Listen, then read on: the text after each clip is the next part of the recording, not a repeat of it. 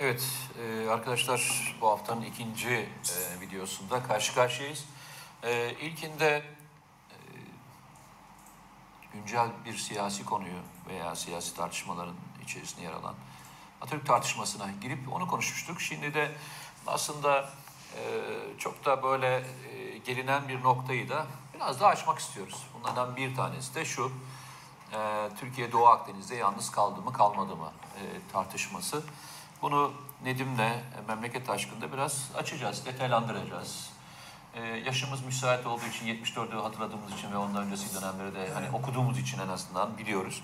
Ben bir e, kısa bir anekdotla e, anlatayım. E, Tufan Türenç e, 2011 yılında bir Kaddafi anısı diye bir yazı yazıyor Hürriyet gazetesinde. Çok da hoşuma gitti. E, içinde çok ilginç e, anılar var, hatıralar var. E, bu yazıdan bölümleri okuyayım size. Biliyorsunuz 1974'te Kıbrıs Barış Harekatı gerçekleştiriyor. Arkasından e, Yunanistan'la inanılmaz bir gerginlik var. Savaşın eşiğine geriliyor. E, Türkiye'ye ambargo konuyor. O zaman işte yine ABD ve diğer e, ülkeler tarafından. E, Türkiye bazı yedek parçaları bulmakta ve silah ekipman bulmakta zorlanıyor. Bugünkü gibi çok da gelişmiş bir e, savunma sanayine sahip değiliz. E, Türkiye ne yapıyor? O dönemde bazı kişilere görevler veriyor. Bunlardan bir tanesi de Taner Baytok. O dönem NATO'da görevli bir diplomat. E, bu ekipmanları ve malzemenin tamamlanacağı yöntemleri bulmaya çalışıyorlar. Türkiye, İran ve Irak'a silah için başvuruyor. Yani komşu iki ülkeye bazı ekipman almak için başvuruyor. Diyor ki kendisi, İran biraz oyaladı. Sonra uyduruk bazı malzemeler gönderdi. Irak ise sizin istekleriniz bizde yok ama Libya'da var dedi. Dışişleri Libya ile hemen işi kurdu. Libya Kaddafi'nin kapattığı ABD üstünde bol miktarda silah ve malzeme olduğunu, bunları gönderebileceklerini bildirdi. Libya o zaman bunu yapıyor. Ve kısa bir süre sonra dört uçak dolusu silah ve malzeme Türkiye'ye geliyor. O sırada, o sırada Ecevit iktidarda Hasan Esat Işık Milli Savunma Bakanı e, Taner Baytok'u çağırıp Kaddafi'ye teşekkür mektubu gönder e, gönder e, göndereceğini söylüyor. Sen atla Libya'ya git ve yeni silah sistemimizde olduğunu ilet. Yani silah istediğimizde ilet onlara diyor. Genç diplomat e, Taner Baytok'u çağırıyor. Bu, bu mektubu vermesi için NATO'daki diplomatı. Genç Diplomat Bakan'a şu öneride bulunuyor. Efendim gönderilen ve yeni alacağımız silahların parasını da vereceğimizi bildirelim. Bakan bu öneriyi kabul ediyor ve Baytok Libya'ya uçuyor. Baytok, Libya Genelkurmay Başkanı Türkiye'nin silahlarının parasını ödemek istediğini iletiyor yeni silah isteğinde bulunuyor. Libya Genelkurmay Başkanı sizden para almayız diyor. Depolarda ne kadar silah, malzeme varsa hemen gönderelim diyor. Heyetteki Türk subaylar üste giderek işe yarayacakları silah ve malzemeyi belirliyor. Bunlar DC-9'lara yüklenerek Türkiye'ye gönderiliyor. Bu jest karşısında eee, işte Libya'nın kurtuluşunun 4 Eylül gününe törenlere kim katılıyor biliyor musun? Maliye Bakanı Deniz Baykal katılıyor. Şeylere bakar mısın? İsimlere bakar mısın? Ve e, ondan sonra da onun anısını e, yazıyor. Oradaki yaşadıklarını, Kaddafi ile konuşmalarını, Kaddafi'nin ona davranışlarını ve diğerlerini yazıyor. Buradaki önemli şeylerden bir tanesi şöyle bir soru soruyor Deniz Baykal'a. İfadede öyle geçiyor çünkü. Ertesi gün Deniz Bey Kaddafi'ye Kıbrıs harekatını anlattı. Kaddafi neden tamamını işgal etmediniz diye sordu. Sonra da eğer Yunanistan kıpırdarsa size elimizden gelen bütün yardımı yaparız dedi. Libya lideri Baykal'dan bütün askerlere de bu anılarını anlatmasını istedi. Şimdi bunu niye anlattım?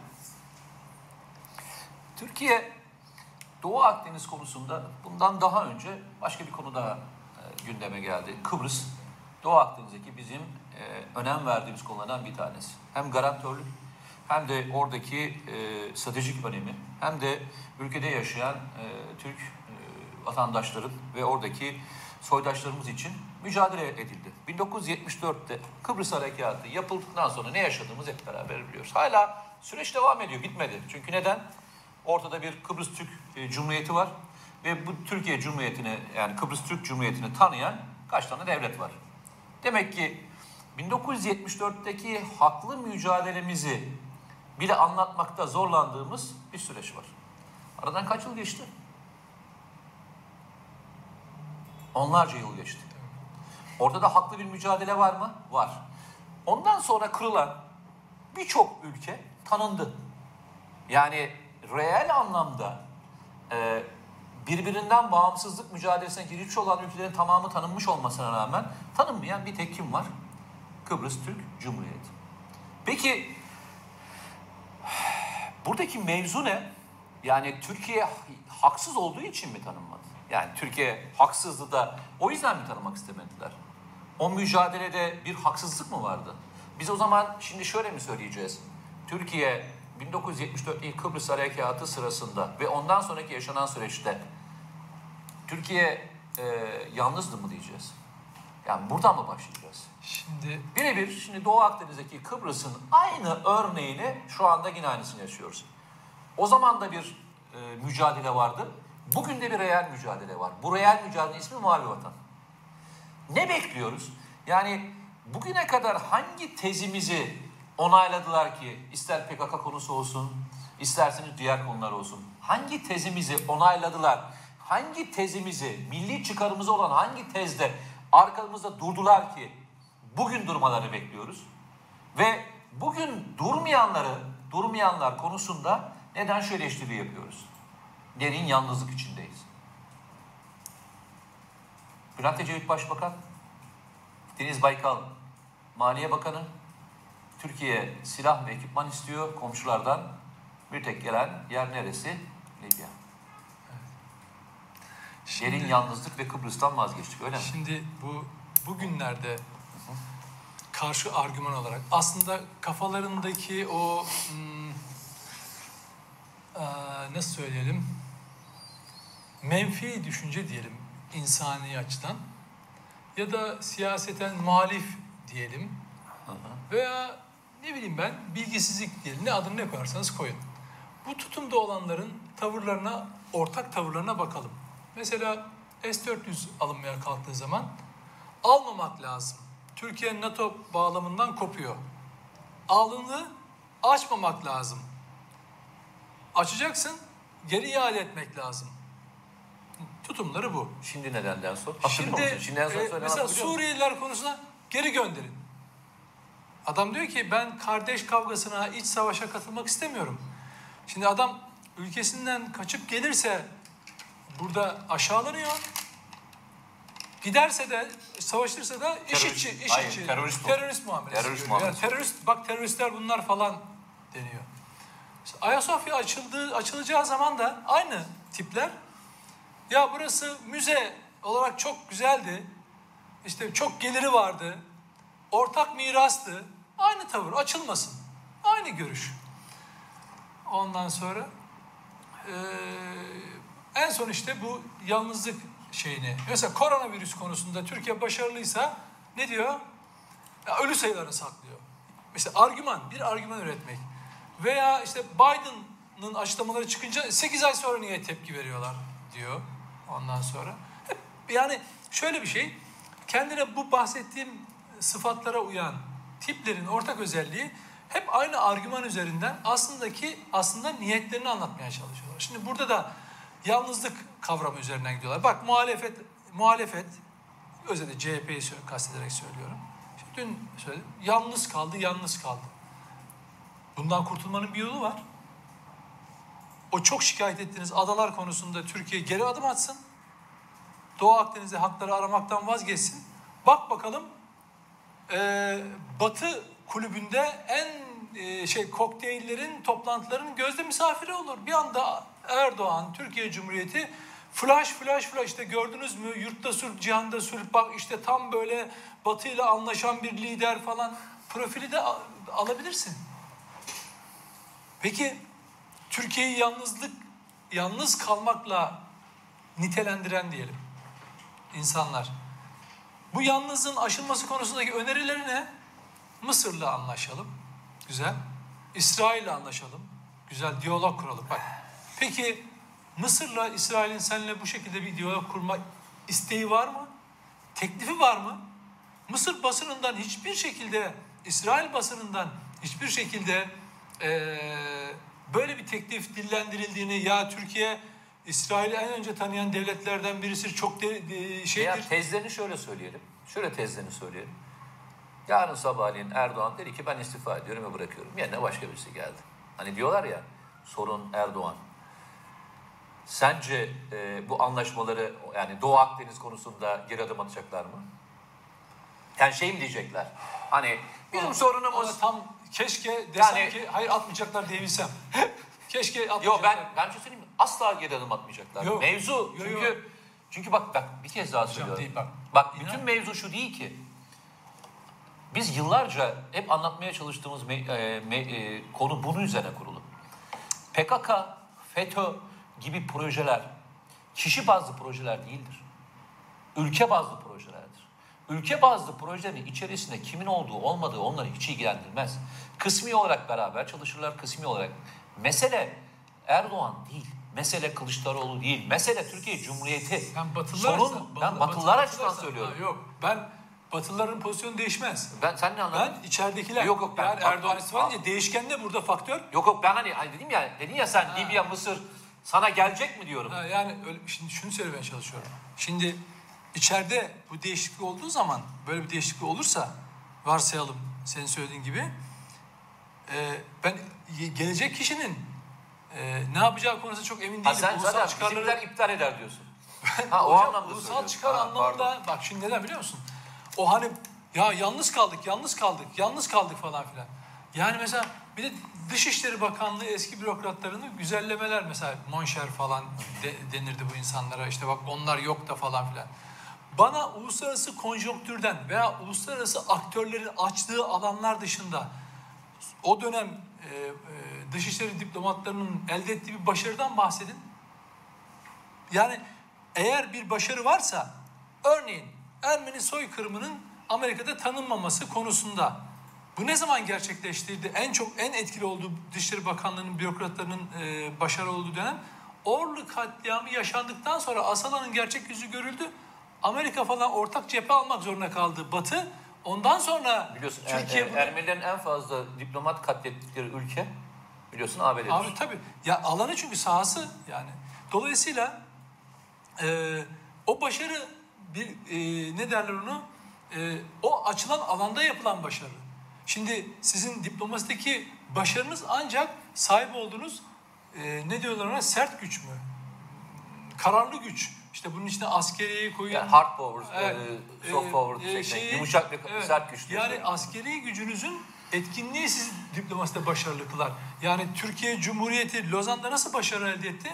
Sahip olduğu zaferle, sahip olduğu güçle ve kararlılıkla diyor ki buradan geriye adım atmak yok dediler ve ondan sonra başarılı oldu. Dolayısıyla diplomasi öyle başarı elde ediyor. Şimdi burada deminden saydığım konularda nasıl böyle küçük küçük şeh notları işte Ayasofya açılmasın müze olsun dünya ortak mirası.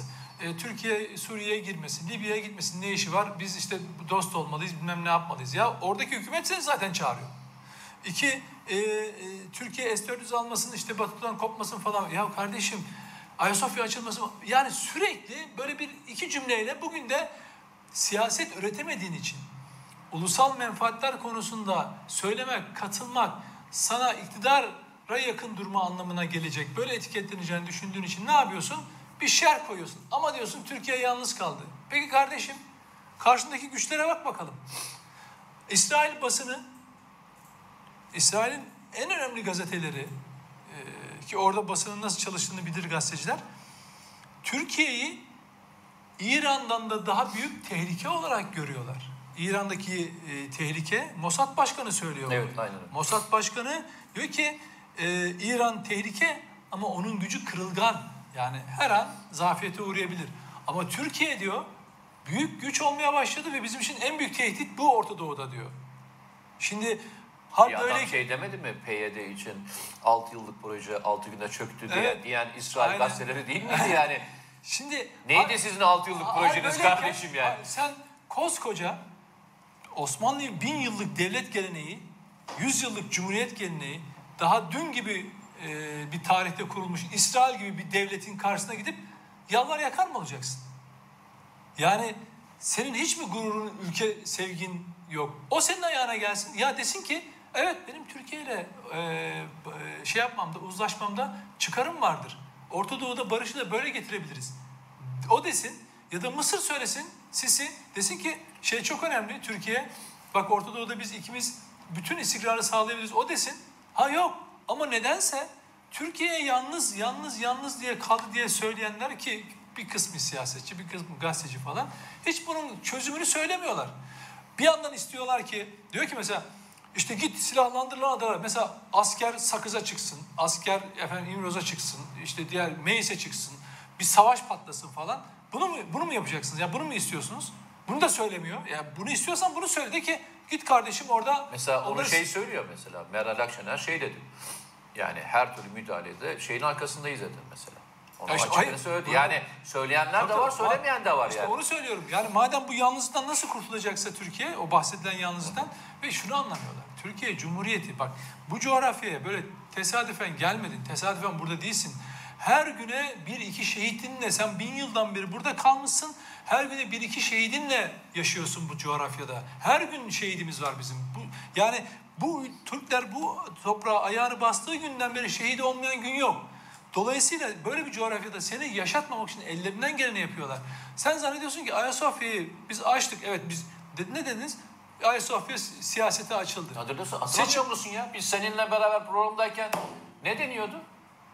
Bittik diyorlar diye Ayasofya açtığımız gün Tabii. ne oluyorduk biz? Kırılıyorduk hatırlasana. Ya ambargolarla Ha, kırılmıyor muyduk? ha, o şekilde. O Hatırlasana ne diyorlardı ya? Ya diplomatik olarak bitirdiler Tabii, bizi, tabii. bitirecekler. Tabii, tabii. Ayağımızı kaydıramayacaklar. Ama- ya biz nelerle Ne duyduk oldu? bu kulaklar Mesela ya. olay- toplum bunu hazmettik. Ben Ayasofya'ya daha sonra birkaç sefer daha gittim. İnsanlar ücretini vermeden he, turistler, yerliler, yabancılar, Müslümanlar, Hristiyanlar girip hem geziyorlar hem ibadet ediyorlar. Gerçekten bir bir kültür mirası olduğunu, ruhunu ruhuna kavuştuğunu görüyorsun. Ama biz bunu sindirdik. Toplum olarak da yerlisi de yabancısı da sindirdi. Turistler bile sindirdi. Hiç kimse hiç kimse bir şey kaç- kaçırdığı falan yok. Her şey çok açık orada. Ve içeride hiçbir şey değiştirilmeden. Yok hayır tabii aynen bak yani ya, yabancılar rahatlıkla girebiliyorlar. Türkler namazını kılabiliyor, Müslümanlar namazını kılabiliyor. Dünyanın her yerinden geliyorlar. Ama Batı bunu unutmuyor. İşte senin yalnızlıktan kurtulmanın yollarını tanesi Ayasofya'yı tekrar müze yap. Bak bakalım nasıl oluyor. Bak sadece bir konuda Oruç Reis gemisi bakım için geri çekildiğinde bile Yunanistan hemen güzellemeye başlıyor. Türkiye tamamen geri çekilsin. Tamam arkadaş biz o bütün bu e, durumu kabul ediyoruz. Hakkımızı aramaktan vazgeçiyoruz desin. Yunanistan senin adına lobi yapmaya başlar. Bizimkiler de bu sefer sevinirler. Bak nihayet Türkiye diplomasiyi konuşturdu. Yalnızlıktan kurtuldu. Arkadaş öyle olacağıma böyle yalnız kalayım daha iyi. Çünkü bu cumhuriyet, bu ülke, bu topraklar o yalnızlığın üzerine kuruldu. Unutmasınlar. Bak ben bu süreçte Türk'ün Türk'ten başka dostu yoktur cümlesinin ne anlama geldiğini bir kez daha düşündüm. Ama bir şey ki Dünyanın her müthiş bir tarafında cümle. böyle. Yani sen şöyle mi zannediyorsun? İngilizlerin dostu mesela Amerikalıları falan mı zannediyorsun? Yok orada var, orada şu var. Yok abi. Hayır, bak şu Bak büyük ülke bak. Çok ilginç bir Çıkar- laf söyledi. Bak e, Avrupa Birliği Yüksek e, Dış İlişkiler Komitesi Başkanı bir adam bir laf söyledi. Hatırlıyor musun? Bugün verdiler. Videosunu seyrettim ben. Diyor ki üç yükselen eski Ha, imparatorlukla ilgili bir tabir söylüyor. Evet. Kavga etmek yerine işbirliği. Ben daha önce kullandığım bir tabir vardı. Sen hatırlarsın. Müttefik olmak için önce gücünüzün olması lazım. Ama ben yanlış kıyaslama olarak gördüm onu. Şundan Kötü dolayı. anlamda söylemiyor yok, bunu. Ben yok yok ben e, ama bunun bir pro- bir algı operasyonu Hayır ama bak şunu söylemeye çalışıyor. Biz Avrupa Birliği olarak diyor, bu yükselen güçlerle temasımızı doğru okumayı, okumalıyız diyor. Okumak dedi ya şundan bahsediyor. Siz geçmişte olduğu gibi yargılayarak, e, öteleyerek, küçümseyerek yapamazsınız diyor. Yükselen değer anlamında söylüyor. Oradaki kullandığı tabir... Ama işte bunu imparatorluk, üç tane imparatorluk yükseliyor. Kıyasladığı ülkeler de Çin, Rusya ve Türkiye. Ya arkadaş, Yani- geç, hayır ama geçmiş bu coğrafyada Ama- başka imparatorluk yok Yok zaten. şöyle bak şöyle ama. Böyle kategorize edildiği zaman onların çizdiği çerçevenin içine hapsoluyorsun. Türkiye öyle değil. Türkiye bir imparatorluk Ben hayali. imparatorluk diye söylemedim. O söylediği için söylüyorum. Hayır, şunu söylemeye çalışıyorum. Beni ilgilendiren ilk bölüm değil. Ama işte o... Beni ilgilendiren ikinci bölüm. Tamam. Tamam mı? İkinci bölümde şu var. Sen demin ne demin bir şey söyledin. Çok ilginç bir laftı o. Dedin ki masaya nasıl oturdun dedin Lozan'da. Önce hepsinin Tabii. önce hepsini Tabii. sahada yendin. Tabii. Sahada bileklerini bükmediğin bir adam masada gelip sen oturur mu? Tabii. Şimdi Afganistan'da, Irak'ta, Suriye'de veya Libya'da yaşadığın her ortamda ya sahada varsın ya yoksun kardeşim. Çünkü emperyalist şöyle bir şey yok ki. Adamın şöyle bir tavrı yok ki. Yani ya ya biz çok medeni bir ülkeyiz. Yani biz başkasının niye petrolünü çalıyoruz ki? Hani bizim önce benim konuşmamız lazım falan demiyor ki herif. Tabii. Adam geliyor, maliyetini koyuyor. Sen o maliyeti arttırdığın an diyor ki bir gel bakalım ya. Rusya içine geçer. Önce bak Fırat Kalkan Harekatı hep söylerim aynı kelimeyi tekrarlayacağım. Kuşatmayı yarmak zorundasın. PKK'nın sözde liderlerinden bir tanesi geçen gün Türkiye'nin PKK konusunda yeni bir stratejisini açıkladı. Farkında mısın? Diyor ki biz diyor eskiden diyor bu adamlar diyor gelirlerdi giderlerdi diyor. Kendi Karası- topraklarında Karası. kendi topraklarında kalırlardı. Girip çıkarlardı. Şimdi diyor yurt dışındalar ve gitmiyorlardı. Ve bizi sahada mahkum ediyorlar. Yalnızca diyor şey satış değişmedi diyor. Yani PKK stratejisinden kaynaklanmıyor bu diyor. Ülke stratejisi değişti diyor. Şimdi aynı mevzuya geleceğim. Ya PKK'nın sözde teröristi bunu söylüyor. Yani sözde diyorum teröristi böyle söylüyor. Bunu söyleyenlerin bir bakış açısını anlamak adına söylüyorum ya arkadaşlar. Bu ülkenin kuşatmayı yarmadan çözebileceği bir sorun yok. Hiçbir emperyal seninle oturup hakkını sana teslim edeceği bir dünyada bir örnek de yok. Bu Türkiye ile ilgili değil. Bu Irak içinde geçerlidir. Bu Fransa içinde geçerlidir. Bu İngiltere içinde geçerlidir. Gidersin alırsın kardeşim. Gidersin alırsın hakkını. Hakkını kimseye yedirmezsin. Ve bunun da yedirme, yedirmemenin, bunun bedelini ödeyeceğini gösterirsin. Bunu yapabilecek olan yalnızca ulus devlettir. Bu ülkeyi seven insanlardır. Bu mücadele yaparken kardeşim diplomatik olarak her yapılan şey doğru demiyoruz ki biz. Biz şunu söylüyor muyuz? Yani AK Parti dış politika çok doğru. Her şeyi söyledikleri her şey doğru mu diyoruz? Demiyoruz. Ama temeli doğru diyoruz. Biz temelde birleşiyoruz. Temel ne? Mavi vatan. Temel ne? Doğu Akdeniz'deki Türkiye'nin çıkarları. Bu bizim temelimiz. Bunun üzerine otururuz hep beraber konuşuruz. Nedir o konuşacaklarımız? Biz hep beraber ne yapabiliriz? Muhalefetiyle, iktidarıyla, birbirinden farklı düşünenleriyle buna ulaşmak için beraber ne yapılabiliyorsa konuşuyorsak hiçbir sorun yok. Ama biz oraya gelemiyoruz ki. Tartıştığımız konu ne? Tartıştığımız konunun aslı ne? Yalnızlık. Ha, Doğu Akdeniz'de birebir neredeyse aynı olan Türkiye'nin tezleri, hukuki tezleri, garantörlük tezleri, insani değerler, ahlaki değerler, Birleşmiş Milletler'le ilgili bütün değerler olmuş olmasına rağmen bir sürü örnek olmuşla beraber 1974'ten beri sorun orada da derin yalnızlık yaşıyoruz. Bunu tartışmıyoruz. Birebir neredeyse aynı örneği yaşıyoruz. Buradan politik bir mesaj çıkartmaya çalışıyoruz. Ya abi bir bir durun ya. Ya bir durun ya. Evet. En son söyleyeceğini de alalım. Ee, o yüzden e, Türkiye yalnız değil. Türkiye tek başına. Tek başına olmak bir tercihtir. Yalnızlık size biçilen bir e, bir yaftadır. Onu belki şöyle tarif edin. E, tek başına olan adam güçlüdür. Tek başına olan ülke e, güçlüdür, ayaktadır ve te- kavgasını da tek başına verir. Şimdi yalnızlıkla tek başına olmak arasında böyle bir temel fark var. O yüzden yalnızlığın insanda yarattığı psikolojik etkiyle tek başına olmanın yarattığı etki çok farklıdır. Onun yarattığı güç farklıdır. O yüzden Türkiye'yi bütün bu kazanımları ve haklı mücadelesi içinde evet Türkiye tek başına emperyalizme karşı savaşıyor. Anlaşabileceğimiz nokta bu olabilir yalnızlık diyenler için. E onlar için Türkiye yalnızlık, köşeye itilmiş, gariban, ezik falan bir tanımlama içine sokmaya çalışıyorlar. Hayır arkadaş, Türkiye evet tek başına ve emperyalizme karşı duruyor. Siz de onun yanında olacaksınız. Eyvallah arkadaşlar. Ee, YouTube kanalına Süper Haber'in YouTube kanalına lütfen abone olmayı unutmayın. Lütfen e, beğeni tuşuna basmayı da unutmayın. Her beğeni herkese ulaşmamızı sağlayacak. Ee, daha çok insanın e, bu mesajları alması için aracı olacaksınız. İzlemeniz değil, Aynı zamanda e, büyümemize katkı sunmanızı da istiyoruz sizlerle beraber. Çok teşekkür ediyoruz. Tekrar görüşmek üzere.